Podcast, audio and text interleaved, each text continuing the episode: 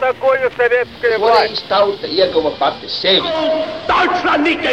Liktenīgas nejaušības un slēptas likumsakarības, subjektīvas patiesības un objektīvi aizspriedumi. Pēc atkušņa nekad nenāk uzreiz pavasars, bet sākās Arī šodien cilvēki ir ļoti tuvredzīgi. Viņi redz to naudu, kas ir. Televīzijā jau pamatā notiek cīņa par varu. Pagātne no šodienas skatu punkta un šodienas caur pagātnes prizmu. Raidījumā šīs dienas acīm. Katru svētdienu Latvijas radio eterā Eduards Liniņš.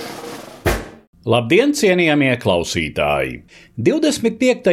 februārī apritēja 65. gadsimta kopš notikuma, kuru daudzi uzskata par vienu no 20. gadsimta vēstures nozīmīgākajiem pagrieziena punktiem. Proti 1956. gada 25. februārī Padomju Savienības komunistiskās partijas 20. kongresā toreizējais šīs partijas un līdz ar to padomju lielvalsts līderis Nikita Hruščovs uzstājās ar referātu par personības kultu un tā sekām. Tajā viņš atmaskoja dažus sava priekšgājēja Josifa Staļina varas noziedzīgos aspektus. No šodienas viedokļa raugoties, tas, protams, bija tikai ļoti nepilnīgs staļinisma noziedzīgās dabas atmaskojums. Nemaz jau nerunājot par to, ka tas neskāra pašu padomju totalitārisma būtību, neatklāja, ka tā pašos pamatos ir antihumāna despotiska sistēma. Tomēr konkrētajā situācijā Staļina un staļinisma nosodījumam bija satricinošs efekts. Šodien piedāvāju jūsu uzmanībai fragmentus no vairākiem agrākajos gados tapušiem raidījumiem, kuros pievērsos Hruščova 1956. gada referātam un visam šim laikposmam Padomju Savienības un arī tolaik tajā ietilpstošās Latvijas Padomju Socialistiskās Republikas vēsturē.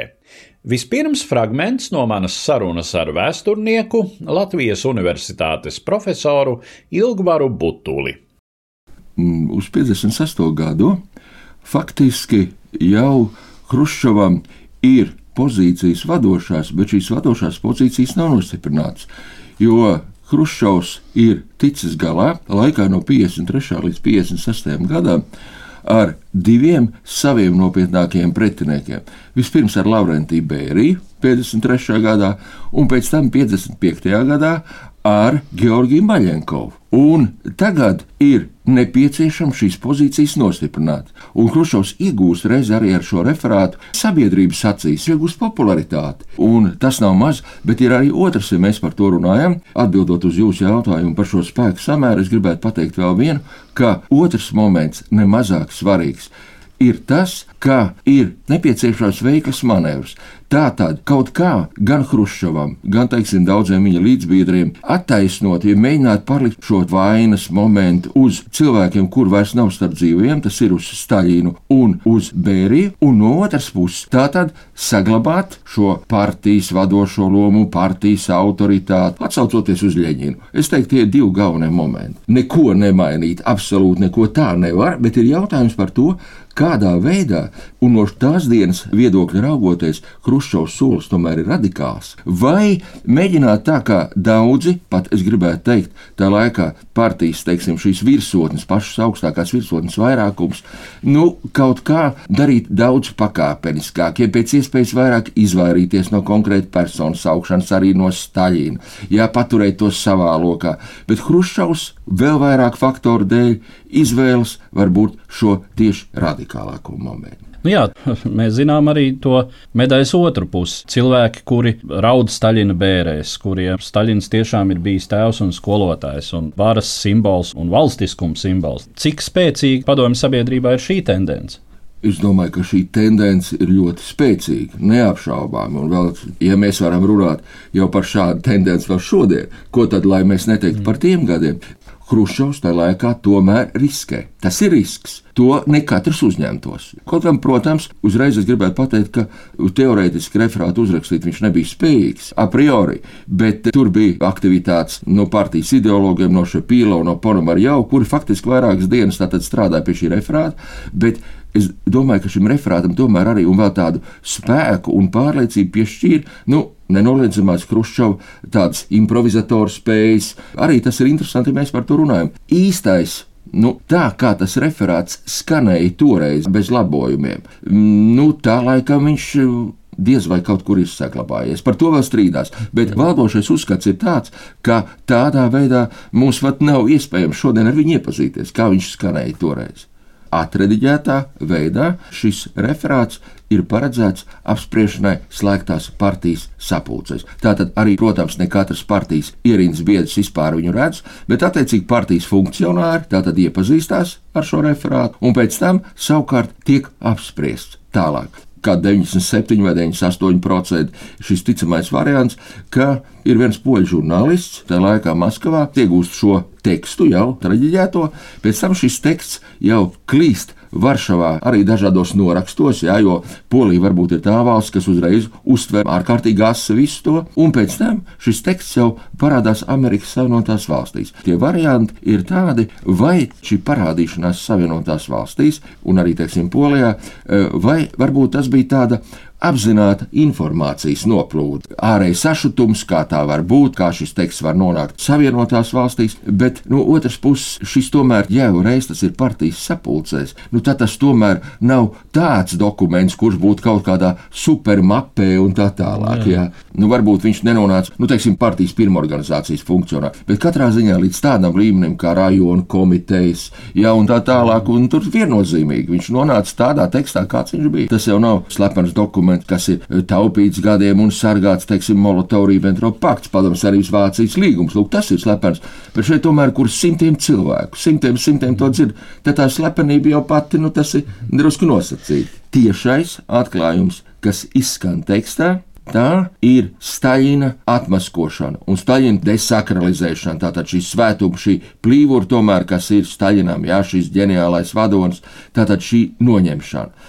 Un tas, ka Staļina šis laiks ir bijis raksturīgs ar ārkārtīgi nopietnām represijām, kas vīs cauri visam referātam. Un referātā mēs neatradīsim pēc būtības neko, vismaz tiešā tekstā tas nav pateikts, par represijām pret tautu. Ja represijas, teiksim, nu, kolektivizācijas laikā un tā tālāk, miljoni bojā gājušie, iet runa par represijām pret komunistiem. Un pie tam arī tikai ar izlasi neiet runa, ka tās bija represijas pret Buhārinu, pret Trotski. Jā.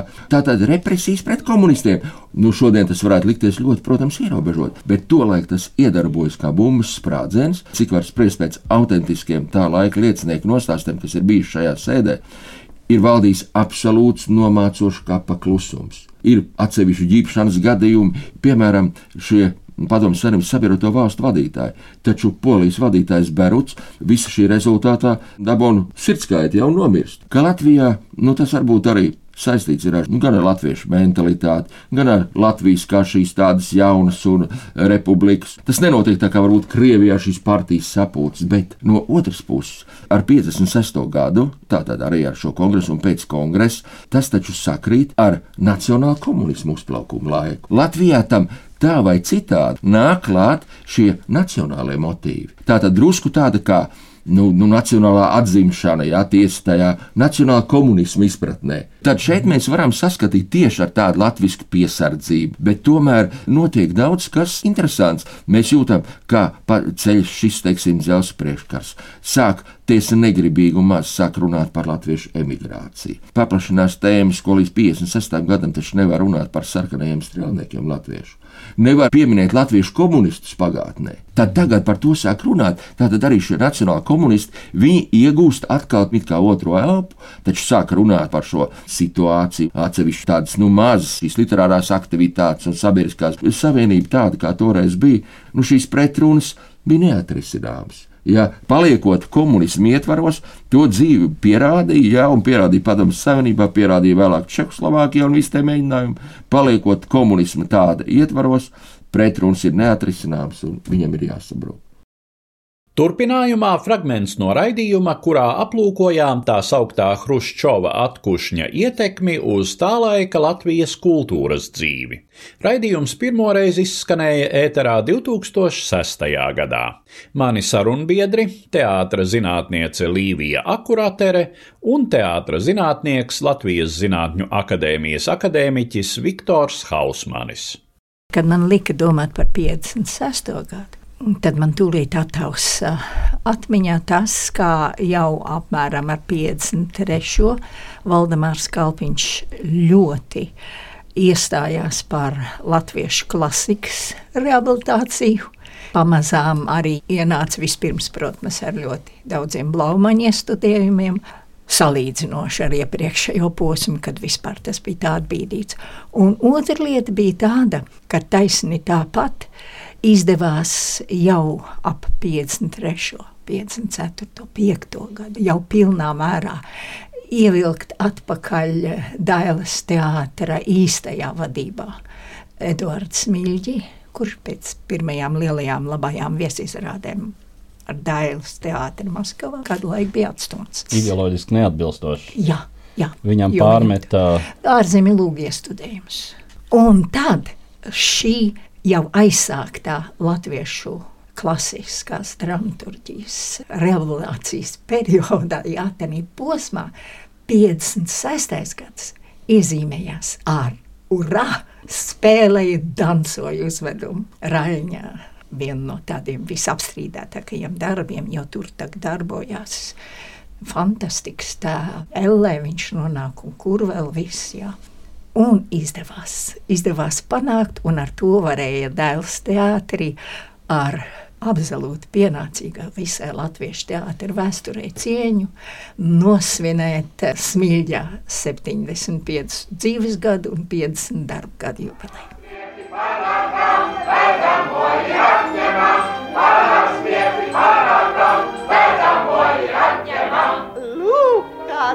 dieviņš vēl no sveic, lai iet jauniem labumā. Saku nu vien, saku nu vien, kas to būtu iedomājis? Lūk, tad abi dabūjās vēl šai gaišā saulītē. Nav vēl nakts pagājusi, nec tie saules redzējuši, kopš devušies divatā.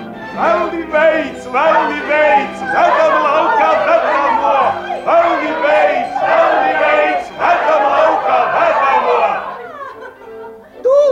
Turieties, dieva bērni, aizsaulīte žuburi! Eč, kā vilki vilku vilka, paslidenu nedurtiņu! Eč būt dzīves vecais kungs, kas tos kopā gan nedotu! Nec dēls viņai iestos! Nu pats mācējs nāves mākts!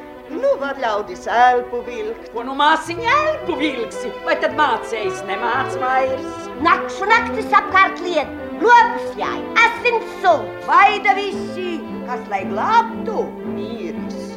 Ko vairs dienā spēj? Mīris, guļ kā gluži dzīves, ozols zārkā nesapuvis. Lūpu galā asins lās. Sūkdams mūsu valda vēl tā kā valdīs kopš laika. Es atceros vēl šo laiku ar to, kā atgriezās. Mēs daudz nedomājām, kā un kāpēc. Dažādi mākslas cilvēki, kuriem Valdemārs Kalpiņš gribēja, lai atrodas vietā mūsu teātros. Salīdzinot, teiksim, ar 30 gadiem, bija tomēr mazāk profesionāla teātra. Tāpēc arī tā ideja radīt tādu lietu kā tautas teātri, kas zināmā mērā varēja aizstāt it kā nu, tādu arī mākslu. Tur es atceros, ka kļāva atgriezās no Sibīrijas. Viņam tur atradās vieta vēl tādiem cilvēkiem. Es eh, toreiz mācījos aspirantūrā. Tas bija Pasaules literatūras institūts. Piedzīvoju to laiku, kā bija tas kongress, bet eh, galvenais bija Staļina kulta nosodījums, viss tas apvērsums. Pasaules literatūras institūtā tur bija arī daudzi gaiši cilvēki, dažus pēc tam kā disidentus pat nosodīja un bija apcietinājumā. Bet starp līdzstrādniekiem tur bija arī Staļina meita, Alilujeva, ja, kas vēlāk aizbrauca uz Ameriku. Kad tur sanāca kopā un nu, arī bija tāds sanāks, kur par visu to runāja, nu, tad vienīgā, kas tiešām smagi pārdzīvoja, tā bija Alilujeva. Viņa tiešām raudāja tajā reizē, jo nu, tas tomēr bija viņas tēvs, bet nu, pārējie to uzņēma kā lielu gandarījumu sajūtu. Pie tam man jāsaka, drusku pat paradoxāli. Es 57. gadā pabeidzu, atgriezos Rīgā. Te man likās eh, drusku tā kā vēl tāds mierpilsoniskāks tas gars, jo progresīvā inteliģence Maskavā noteikti bija tāda, tā ļoti atvērti uztvēra to pozitīvo, ko deva radošiem darbam. Tas 20. kongress, nu jau tieši bet tā atmosfēra, kas mainījās. Toreiz tur varbūt vairāk kā Rīgā mums bija iespējams izjūta to brīdi, kad krita dzelzs priekškars. Pavisam jau viņš nekrita, bet pavērās gan. Un tur cits pēc cita sāka braukt Eiropas teātri. Es atceros gan Žanu-Luiju Baro, gan Žanu Villāru, Mariju Kazaresu. Tieši tā. Pīters Bruks toreiz bija tikko jauns vēl cilvēks. Hamletu bija iestudējis, Pols Skofilds spēlēja Hamletu. Tā bija vienkārši nu, ļoti laba skola. Tajā brīdī Latvija, pateicoties pirmām kārtām, protams, vietējās centrāla komitejas nostājai, ir viens no reakcionārākajiem uh, kaktiem mm. bijušajā Padomju Savienībā. Sevišķi te ir loma tādai personai kā Pelše, kurš diezgan strikti tur visu savās rokās un uzbrūk diezgan krasi jebkurai tādai brīvākai domas izpausmei.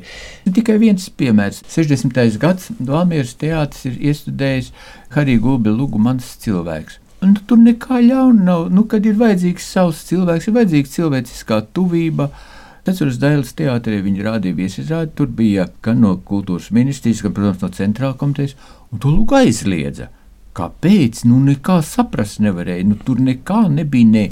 Ja runājam par to 20. kongresu, nebija tāda situācija, ka Latvijā pēkšņi sākās brīvstības laiki. Daudz kas bija brīvāk, bet eh, nevienu to sauc par atpūsni, bet nu nekāds Nepavasars. Ziedolāja pavasaris īsti jau nebija. Nu, jā. Kas bija līdz tam šis absolūti uzspiestais personības kulta slavinājums, ne cilvēki lugās, bet darba rūķi, sociāliskā darba entuziasti, doma par to, ka vairāk labības vajag, vairāk piens jāizslauc, un divas teikums no Villāča lūgas uzvara. Atvainojiet, tie būs nepieklājīgi, bet es nekā nedarīju. Mēs esam Staļina paudze. Biedrs Staļins skatās uz mums un vada mūsu cīņu. Vai var būt vēl kas lielāks un cēlāks? Augusts, tas bija galvenā persona. Paudžu paudzes mūs apskaudīs un apbrīnos. Un tādā stilā, jā. Jūs redzat, kaut vai to stilistiku, tas lācis kādreiz viņš jau labs dramaturgs bija. Redzi, 53. Uzraksta Gunārs Priede, jaunākā brāļa vasara, un to iestudēja daļai, un tur nav neviens tāds vārds. Palkaunieks vēl nosaka no galda otru eksemplāru, jo pirmo paņēma Gunārs Treimans. Bet Palkaunieks tieši tajā brīdī ir ienācis un turēts Dailas teātris direktors. Jā. Mhm. Un šis Spānijas pilsoņu kartu cīņu dalībnieks paņem no mana galda, kamēr es aizgriežos. Tā es bišķi jau mani gan. Bet, nu, viņš paņem un aiznes. Tūlīt uz ielas satoja Pēteru Petersonu, iedod Pēterim Petersonam, tas saka, jā. Par to 56. gadu domājot, cilvēki bija dažādi, Ne visiem bija vajadzīgs tas 56. gads, lai atvērtos. Jā, bija Gunārs Priede, kas uzrakstīja. Un te arī, vai tur bija kaut kas radikāli, kaut kas absolūti jauns? It kā nē, un tomēr. Pirmkārt, parādījās cilvēks kā cilvēks, nevis kaut kāda sociālā darba varoņa, bet cilvēks, puika īstenībā, Uģis Daugavietis. Otrkārt, tajā laikā bija svarīgi nu, pateikt kaut nelielu, bet tomēr patiesību. Jo tas puika pateica, ka tā kūts vai tā māja tā ir šķība, ne tai vietā. Nu, tas bija jau kaut kas, un nevelti tā luga, Līvija, cik reizes dēlē rādīja, nu, katrā ziņā. Man ir lieliem... vēstulīte, kur Gunārs saka, ka, nu, 125 reizi ir. Nu, redz, to mēs ar Līviju arī atceramies kādreiz, nu, izcilās pēdiņās. Padomu lūgas gāja no nu, desmit, tas bija ļoti augsts skaits, desmit reizes, ja 12. Nu cilvēki noieguši pēc patiesības, nu, pēc patiesa vārda. Revolūcija tā nebija, bet ļoti daudz tas tajā laikā bija. Vēlāk par šo līniju priedēm arī Vikas pirmā balva, viena lūkas tāda saucās pozitīvais tēls. Vēl ko es domāju, Līvija, pēc 56. Eh, tomēr vesela paudze ienāk. Liekas, tā bija arī paudžu varbūt pat ne tik daudz, nu, teiksim, kurš kurā gadā dzimis, bet kas ienāk, apliecina apliecina sevi, jo atceries toreiz, teiksim, Evalds Vilks. Mm -hmm. īsti ienāca. Īstenībā Zigmunds Skuiņš ar Kolumba, Kolumba Maz. mazdēliem. Tad uh, Dagnijas Zigmunds sāk rakstīt. Atgriežoties pie mūsu sfēras, pie dramaturģijas, Venta Vīgante. Viņas pirmā lūga. Palma zaļo vienmēr. Atkal Vai tur ir kaut kas nu, tāds ārkārtīgi izcils? Varbūt nē, bet gāja to pašu priedes ceļu, runāt patiesību par jauniešiem. Elmārs Ansons ienāk, Jānis Lūsis ienāk. Tā tad, nu, vairs tādās frāzēs, kā es te tikko citēju jā, iepriekš, nu, vienkārši nevarēja vairs. Un es domāju, ka tas bija tas pavērsiens, tas bija tas jaunais, kas pēc 56. gada ienāca. Nu, kaut arī tas bija tikai atkušņa laiks, bet tomēr bija tāds. Pretreakcija bija no centrāla komitejas puses viens fakts. Es atceros, notiek uh, sanāks, tā bija Zinātņu akadēmijas augstceļš tur lielajā zālē. Uzstājās toreiz Bērsons un um, pieminēja Evalda vilka stāstu 12 km, ka tur ir pozitīvas vērtības. Un toreiz pēc tam, es domāju, ka tas bija Pēlš, bet es varu sajaukt, bet katrā ziņā viens no pirmajiem centrāla komitejas bosiem pēc tam drausmīgi asi un nikni, kā var tā nolaisties līdz tādam līmenim, ka var pozitīvi atzīmēt tur Evalda vilka stāstu. Nu, tā bija pretreakcija. Nu, tajā stāstā ārtaču tas ir godīgs, labi uzrakstīts stāsts. Bet šie viļņi gāja Tālāk par to pašu kultūras ministriju. Paiet vēl kādi gadi, no turienes jāaiziet Lilijai Dzenē, jo viņas rokās bija toreiz eh, Gunārs Priedes lūgs maržo sēnes, to vismaz lasīja. No turienes jāaiziet Inai Zaķei. Eh, no turienes bija jāaiziet mm, vēl tur kādiem cilvēkiem. Ja? Tā tad eh, tādi atkušņa iezīmes bija, bet diemžēl pēc tam gāja gadi un tās situācijas sabiezēja un sabiezēja. Taču no otras puses, un es domāju, te ir mūsu inteliģents, inteliģents savu spēku pierādīja, jo tas, ka vairākās lugās sākā parādījās vēl asākas problēmas. Vienalga kādā veidā pateiktas, tie jau ir ja 60. gadu beigas, kad nāk tāds vilnis, ka teātris nevar vairs iekšā tikt. Teiksim, Harija Gulbja, Luga, Aja Žužu bērns kā lācis, Pauls Putniņš uzraksta paši pūt, paši dega, Priedi uzraksta Miks un Zilna, kur pirmo reizi par mm, cilvēkiem, kas bija izsūtīti un kā to eh, vērtēt. Vēl pēc kāda brīža tava labā slava, ar domu, kas tad ir tā labā slava.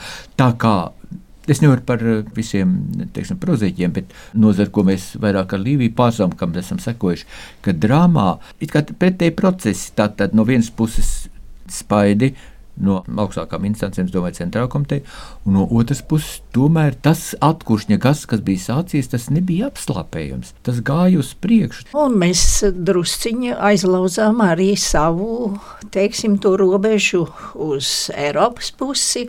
Un 59. gada pirmajā pusē, es atceros, mums izdevās pirmās ārzemju viesizrādes ar ansambli Sakta uz Čehoslovākiju mēnesī braucām, kur bija tikai latviešu tautas tejas, latviešu tautas dziesmas un tāds orķestrīts. Kur tagad ir sakta? Sen pazudus, likvidēta. Tā kā Valdemars Kalpiņš man aizsūtīja līdzi, tad es atceros katrā reizē, kad mēs runājām to priekšvārdiņu kaut kādu, nu tad tās bija jārunā Krievu valodā bet vienu vismaz frāzi pašās beigās absolūti latviski, lai viņu taču saprot, ka mēs esam kas cits. Un kaut kādi inteliģents pulciņi izbraukuši ārpus Rīgas, tur kaut ko skatīties, kaut kur brauc pēc tam pa Daugavu. Un laivā cieta Daugavā abas malas, vai arī Daugavas vanagis sasauksimies, kas vēl dzīvi. Tādas es arī esmu dzirdējis. Neostaļiniskās reakcijas izpausmes Latvijā, kuras tika piesauktas nulle izskanējušajā fragmentā, dažus skāra ļoti asi. Viens no pamanāmākajiem šīs reakcijas represētajiem bija dzēnieks un atzējotājs Knuts Skujenieks, kurš tika notiesāts un septiņus gadus pavadīja ieslodzījuma vietā Mordovijā. Turpinājumā Knuta Skujenieka atmiņas par Hruščova atkušņa laiku. 1961. gadā absolvējis Literatūras institūtu, Knuts Skujenieks atgriezās Latvijā. Var teikt, ka šeit atpūsnis bija beidzies jau 1959. gadā ar tā dēvēto nacionālu komunistu sagrāvi. Rīgā valdīja reakcionārais neostaļiniskais Arvīda Pelšas režīms. Knuts Skujnieks kļuva par vienu no pirmajiem un vienu no spilgtākajiem šī režīma upuriem. 1962. gadā viņš saņēma reālu un pamatīgu cietumsodu par darbībām, kuras stingri ņemot pat nebija vērstas pret padomju varu Latvijā. Es teikšu tā, un varbūt tas arī viens no iemesliem, kāpēc es, es tā diezgan fiks iekritu bija tas, ka es, es redzēju teiksim, visu Latvijas situāciju no tās situācijas idiotiskās puses. Jo bez šaubām, ka idiotismu visā šajā te, teiksim, Pelšas režīmā un tā tam līdzīgi bija pāri pa mēru. Es gluži vienkārši par to smējos. Katrā ziņā es biju pieredzējis liberāli uzvesties un liberāli runāt, to man bija iemācījis Maskavā, ne, un arī faktiski vēl to īsto atkušņa izbeigumu Maskavā es vēl nebiju izbaudījis. Tomēr, ne? Viņš sākās praktiski kaut kur apmēram ar manu arestu laiku. Pēc tam izrādījās, ka tas viss ir saistīts vienā ķēdē. Piemēram, es ļoti brīnījos, kāpēc uh, izmeklētāji man šī te, te Rīgas čekā, man tā interesējas par manu pazīšanos ar Jevtušenko Vozņesenski. Un tikai tad, kad jau pēc viss pēc tiesas, ka es jau braucu etapā vai ne jau ar Stolīpinu vāģīgi slavenajā, un um, tur es dabūju avīzi, dabūju literatūrnai gazietu, un tam man kļūst skaidrs, kāpēc viņi ir interesējuši, jo, jo tad bija viss šie te bļāvieni uz māksliniekiem, uz zvejniekiem un tā tālāk no Hruščova puses. Tā kā principā jau kampaņa kaut kāda jau veidojās jau tad, un savā ziņā arī man tur piepildīja savā ziņā kā vietējo kadru. Un, jāsaka, tā ir, ka es nenovērtēju tomēr arī šīs Latvijas, tā varētu teikt, tā neostaļinisma bīstamību. Nu, tas viss tā varētu būt, jo, teiksim, pietiekams politisks pieredzes man nebija, vai ne? Kas, to rūdījumu es dabūju tikai pakāpeniski, vai ne, un drusku citos apstākļos. Bet paldies Dievam pamatīgu. Tur lieta ir tāda vienkārši bija vajadzīga, jo pēc tādas, nu, tas ir vairāk vai mazāk tā uz tāda nostāstu līmeņa, vai ne? Bet laikam tomēr ir tā, ka bija paredzēts sprāvas represijas arī pret daudz redzamākiem rakstniekiem. Jo es biju ļoti piemērota kandidatūra, teiksim, ka vispirmām kārtām es nebiju ne rakstnieks savienības biedrs, man grāmatas nebija, man bija tur viena otra publikācija tikai. Tā pašā laikā man zināja sevišķi, teiksim, man viena auga un, teiksim, jaunāku un tā tālāk. Un, un dabīgi tie ar lipa man riņķī, jo, domāju, es atbraucu kaut kur no no drusku plašākiem ūdeņiem, vai bija par ko runāt, un ko viņam stāstīt, un ko rādīt, un tā tālāk. Un mēs arī runājām ar kolēģiem par to, ka mums vajadzētu tomēr kaut kādā veidā mainīt mūsu kultūras politiku sevišķi attiecībā ar Rakstnieku savienības vadību un tā tālāk, izmantojot kongresu un tā.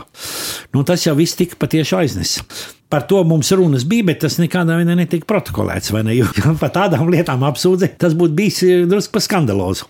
Nu, tā ir kaut kāds formāls iegānstis, vai ne? Mēģināja pierādīt arī tiem vai citiem dzīvoļiem pretpadomu raksturu, ko ir ļoti grūti uzstiept. Arī vēl tagad skatoties uz šiem tekstiem. Nu, un otrs ir, lai vispār mani varētu tiesāt, lai tas nebūtu absolūts fars. Mani formāli apsēdināja blakām vēl grupai cilvēku, no kuriem viens ar mani bija runājis un man klāstīs savus politiskos eh, plānus par Baltijas nākotni, kurus es uzskatīju par utopiskiem un teicu, ka es eh, to neatbalstu un arī netaisos ar, ar viņu sadarboties. Bet, protams, tas nenozīmē, ka tāpēc es būtu skrējis uz tūru māju ziņot. Nu, vienīgais, atgriežoties pēc tam, tad, kad mēģināju, tomēr vai nu es nu, nevarētu drusku piepalīdzēt šiem zēniem no stūrmājas. Bet nu, es teicu, bet, draugi, mīļie, tad nevajadzēja man eh, dot attiecīgu pantu. Kādu jūs varat iztaisīt ziņotāju no neziņotāja? Tā kā es saku, lieciet man svētu mieru, un, un tā arī palika. Tā tas ir ar, ar cilvēkiem, kur nonāk arī ar zināmām ilūzijām, ar neskaidriem priekšstatiem par šo dzīvi. Līdz ar to izskan mūsu raidījums, kas bija veltīts Padomju Savienības līdera Nikitas Hruščova referātam par personības kultu un tā sekām toreizējās Padomju Savienības kompartijas 20. kongresā 1956. gadā. Raidījumā dzirdējāt 2017. gadā mūžībā aizgājušo teātra zinātnieci Līviju Akurateri, vēsturnieku, Latvijas Universitātes profesoru Ilgvaru Butuli, teātra zinātnieku, Latvijas Zinātņu akadēmijas akadēmiķi Viktoru Hausmani un dzēnieku un atdzējotāju Knutu Skujenieku. Uz redzēšanos, cienījamie klausītāji! Katru svētdienu Latvijas radio viens par pagātni sarunājas Eduards Līniju.